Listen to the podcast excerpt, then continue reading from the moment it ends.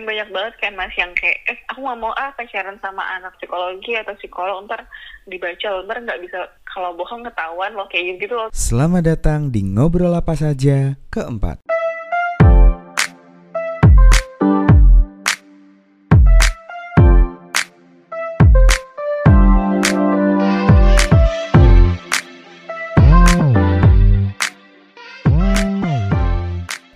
Episode kali ini, kita akan ngobrol dengan Gita tentang profesi psikolog. Gita ini merupakan alumni psikologi UNS dan juga UGM. Nanti kita akan coba ngobrol tentang profesi psikolog mulai dari psikologi itu apa, pendidikan yang ditempuh harusnya seperti apa hingga tantangannya saat ini. Nah, kita coba ya hubungi Gita supaya nanti kita bisa ngobrol lebih lanjut.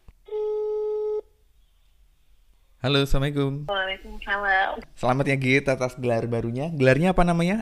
M psikolog ya berarti? oh koma psikolog Oh iya ya maaf maaf. Itu berarti udah sah ya jadi seorang psikolog. udah alhamdulillah ya, belum sudah Jadi sebenarnya profesi psikolog itu apa sih Git? Wah, pertanyaannya kok jadi susah buat aku ya. Jadi psikolog itu uh, profesi yang bergerak di bidang promotif, preventif, kuratif, dan rehabilitatif di kesehatan jiwa atau kesehatan mental. Mhm. Nah, pro promotif itu sebenarnya empat aspek tadi yang aku bilang itu uh, biasanya ranah kerjanya tenaga kesehatan ya. Jadi promotif itu kayak mempromosikan, preventif itu mencegah, kuratif itu mengobati, dan rehabilitatif itu memaintain. Mhm. Jadi nah, ranahnya di situ. Promotif tuh kayak misalnya kita eh, apa ya mengkampaign tentang kesehatan jiwa misalnya tentang gimana sih eh, ciri-ciri depresi ke orang banyak gitu gitu terus preventif itu eh, sasarannya ke orang-orang yang beresiko depresi terus kuratif itu ke mengobati klien menangani klien termasuk kuratif dan rehabilitatif itu maintenance-nya gitu biar dia nggak resah Oke. itu sih kurang lebih.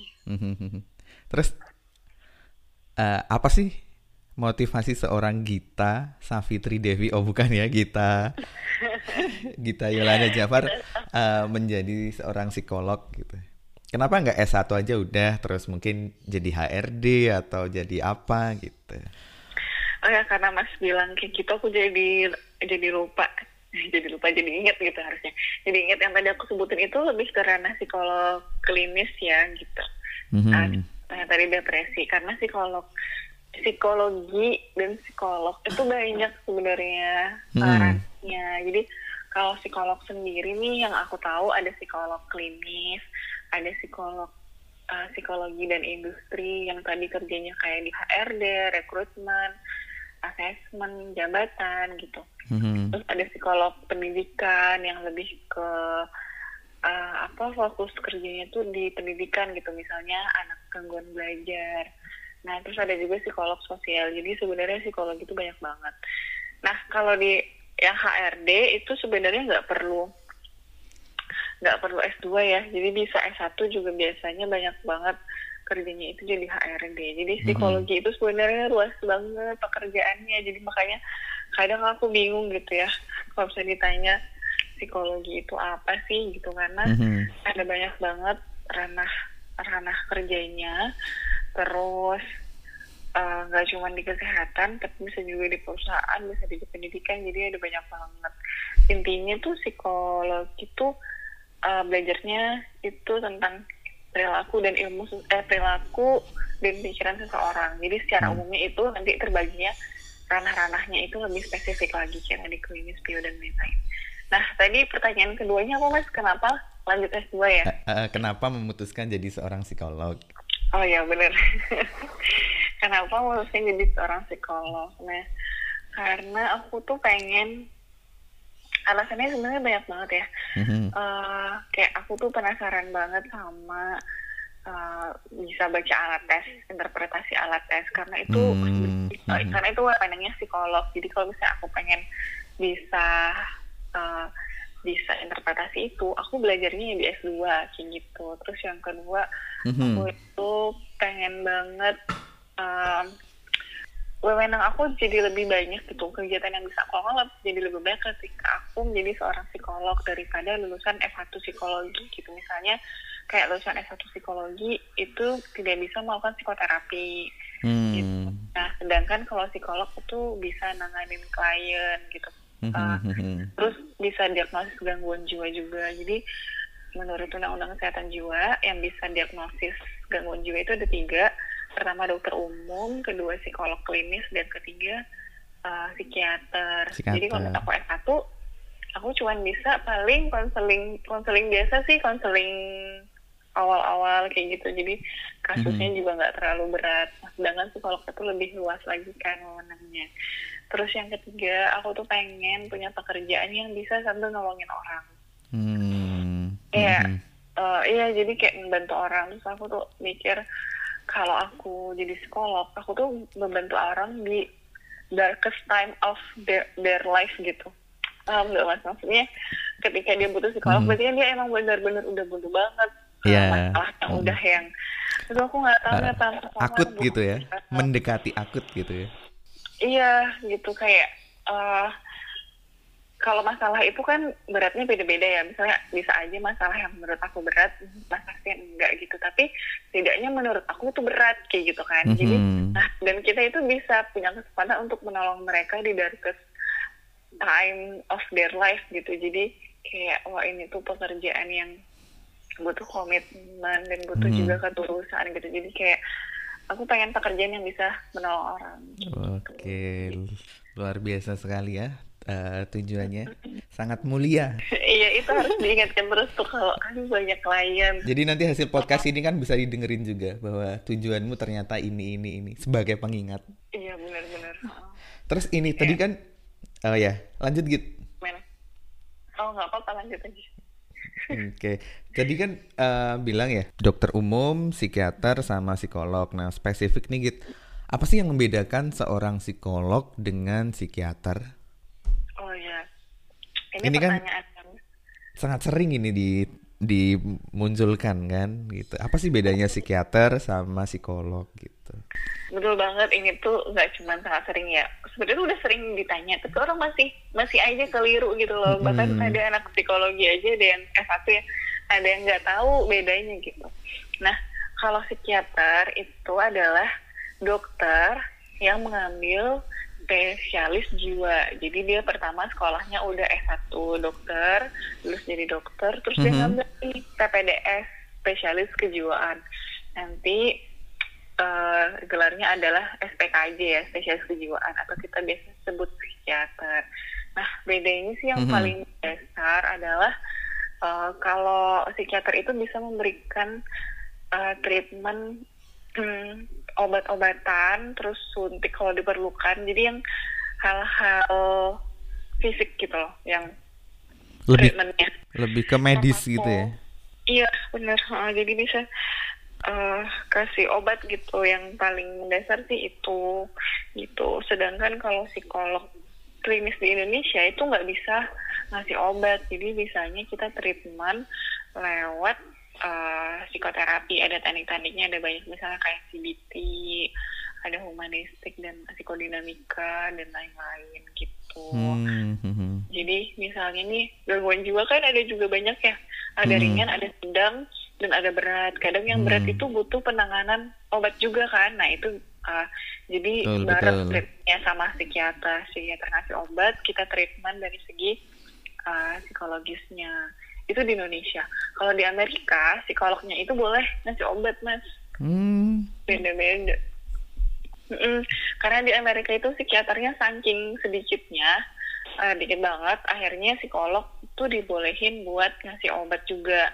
Tapi psikolog di sana itu minimal S3. oh udah PhD ya paling enggak ya? Uh-uh, minimalnya S3 kalau di Amerika buat jadi psikolog klinis. Oke, sebenarnya psikolog itu bisa baca pikiran nggak sih Git? Tidak bisa. Ayo kalau aku bisa baca pikiran, kayaknya hidup aku jauh lebih mudah ya. Mungkin jauh lebih berat iya karena tahu pikiran orang-orang ya. Oh ya bener juga. Kayak kepikiran gitu jadi Heeh. dia benci sama aku gitu. Iya. Enggak nggak bisa, jadi jangan takut gitu.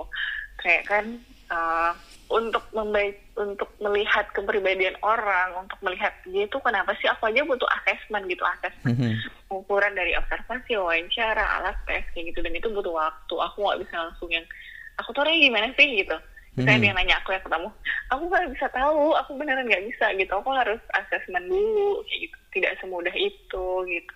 Dan banyak banget kan mas yang kayak eh aku nggak mau ah pacaran sama anak psiko psikologi atau psikolog ntar dibaca ntar nggak bisa ntar kalau bohong ketahuan loh kayak gitu loh kayak please deh aku aja tuh sering dibohongin gitu jadi nggak usah takut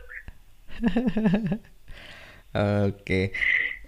Berarti kalau di Indonesia itu kalau mau jadi psikolog setelah S1 ambil profesi, kira-kira berapa lama tuh gitu profesinya? Iya, jadi kalau eh, sekarang nih, jadi kalau zaman dulu, jadi psikologi ini juga berubah-berubah gitu loh mas, cara jadi psikolognya. Kalau dulu Mhm. itu kayak zaman dulu banget ya, Mhm. S1 tuh dia langsung eh, jadi psikolog. Itu dosen-dosen aku sih kebanyakan gitu, karena Mhm. mereka udah eh, yang zaman dulu kan.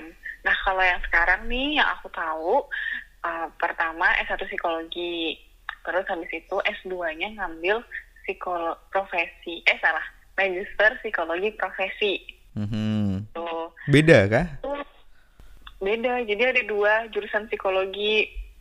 Ada magister psikologi, Mhm. ada magister psikologi profesi. Oke, berarti Jadi ada profesi Mhm. di belakangnya. Mhm, Mm-mm. mhm. Dan magister psikologi profesi kampusnya di Indonesia itu cuma ada 19. Oke. Ah. Satu ada di Sumatera, di Sumatera Utara, dan 18-nya itu ada di Jawa. Ada di Oh. Jakarta tersebar gitu ya di Jawa. Jadi mhm. cuma itu doang gitu.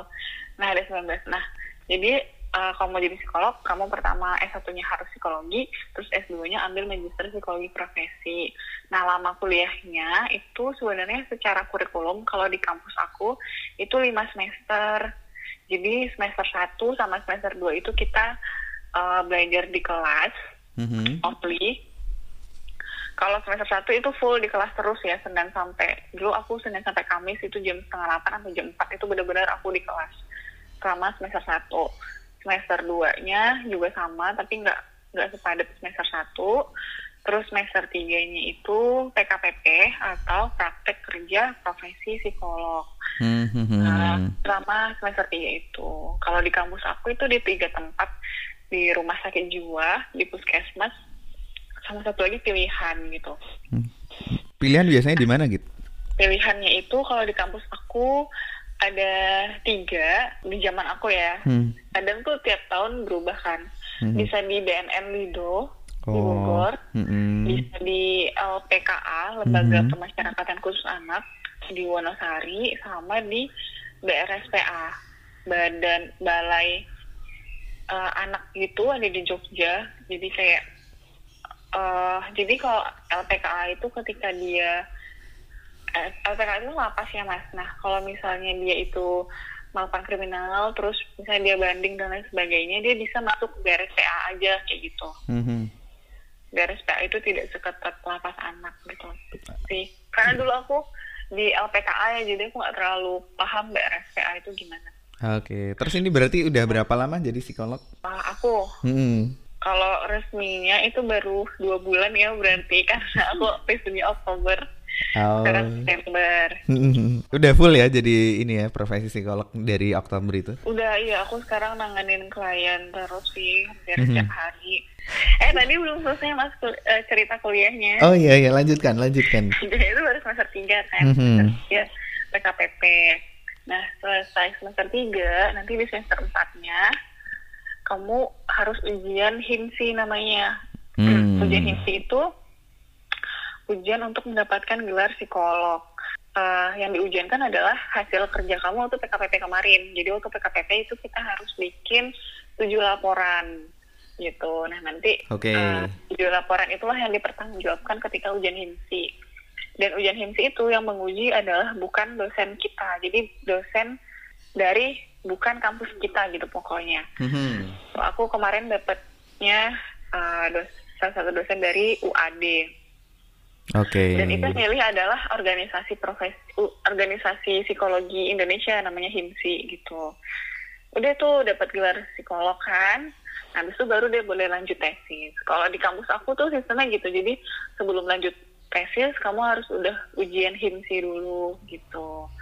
Gitu sih. Terus aku langsung lanjut tesis, terus aku lulus di semester 4 gitu. Jadi emang banyak sih yang bilang uh, kalau psikologi uh, apa mapro itu uh, biasanya lima semester gitu. Jadi dulu jarang banget yang bisa lulus semester 4 Nah, tapi ternyata bisa hmm. kok guys lulus di semester 4 gitu. Kalau kalian udah uh, ancur-ancur tesisnya itu sejak uh, semester 3. Semester gitu. 3 ya, setahun ya kurang gitu lebih. deh.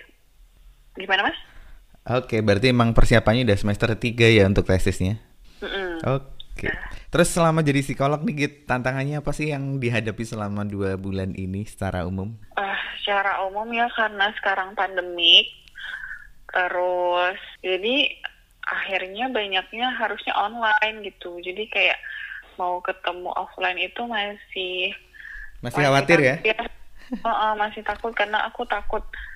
Aku lebih takut aku menularkan orang lain sih gitu daripada ketularan gitu. Jadi aku kayak takut nanti aku merasa bersalah kalau ada orang lain tertular gara-gara aku gitu. Jadi aku masih lewat online.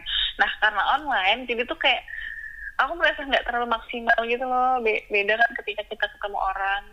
Hmm. uh, kita bisa lebih ekspresif gitu. Terus bisa ada physical touch. Kalau misalnya dia perempuan ya aku uh, bisa nepuk bahunya atau gimana gitu. Kalau mm-hmm. sekarang tuh nggak bisa gitu.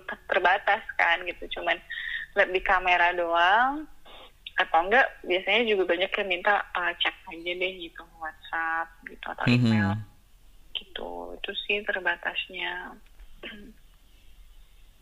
kendalanya gitu. Oke, okay, terakhir kita kasih tips atau saran dong untuk teman-teman yang mungkin pengen masuk jad, uh, masuk kuliah psikologi terus pengen jadi seorang psikolog.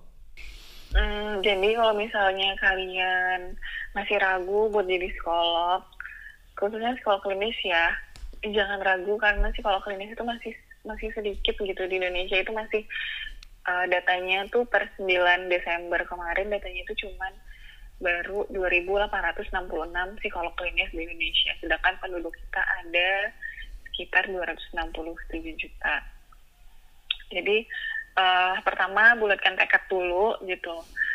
Jadi psikolog klinis itu banyak dibutuhkan, terus luruskan niatnya. Terus kedua, jadi kuliah mapro, kuliah S2 psikologi itu emang gak mudah aku akuin gitu. Aku yang menurut aku orangnya cukup kuat gitu ya menghadapi rintangan. Pas S2 tuh aku cukup, oh my god, kayak terasa terpukul keras gitu. Kayak shit really hard. Memang benar-benar harus butuh niat yang kuat niat yang banyak. Karena kalau nggak gitu tuh mungkin bisa aja capek di tengah jalan ya. Capek capek biasa sih ya tapi bisa aja menyerah kayak gitu loh karena benar-benar capek banget gitu. Kamu harus kuliah. Kuliah setiap hari ketemu klien. Padahal kamu sendiri juga punya masalah kayak gitu gitu kan. Terus yeah, yeah, habis yeah, itu yeah. kayak perbanyak baca buku terus diskusi sama dosen terus yang yang pasti tuh gini sih dasarnya kamu harus suka dulu psikologi gitu. Karena kalau nggak suka apa pun yang dilakukan akan jadi beban gitu kan. Tapi karena aku suka nih psikologi dari dulu kayak sampai sekarang juga aku masih belajar gitu. Walaupun aku udah lulus aku tetap baca buku gitu. Nanganin mm -hmm. selain aku tetap baca jurnal dulu. Dan itu aku nggak jadi beban gitu karena aku memang suka di dunia psikologi. Jadi itu sih. Niat terus luruskan nih udah punya niat terus dilurusin niatnya. Terus banyak banyak buku diskusi gitu gitu sih standar ya gitu tipsnya. Oke makasih Gita. Makasih ya Gita ya. Oke makasih Mas Alfian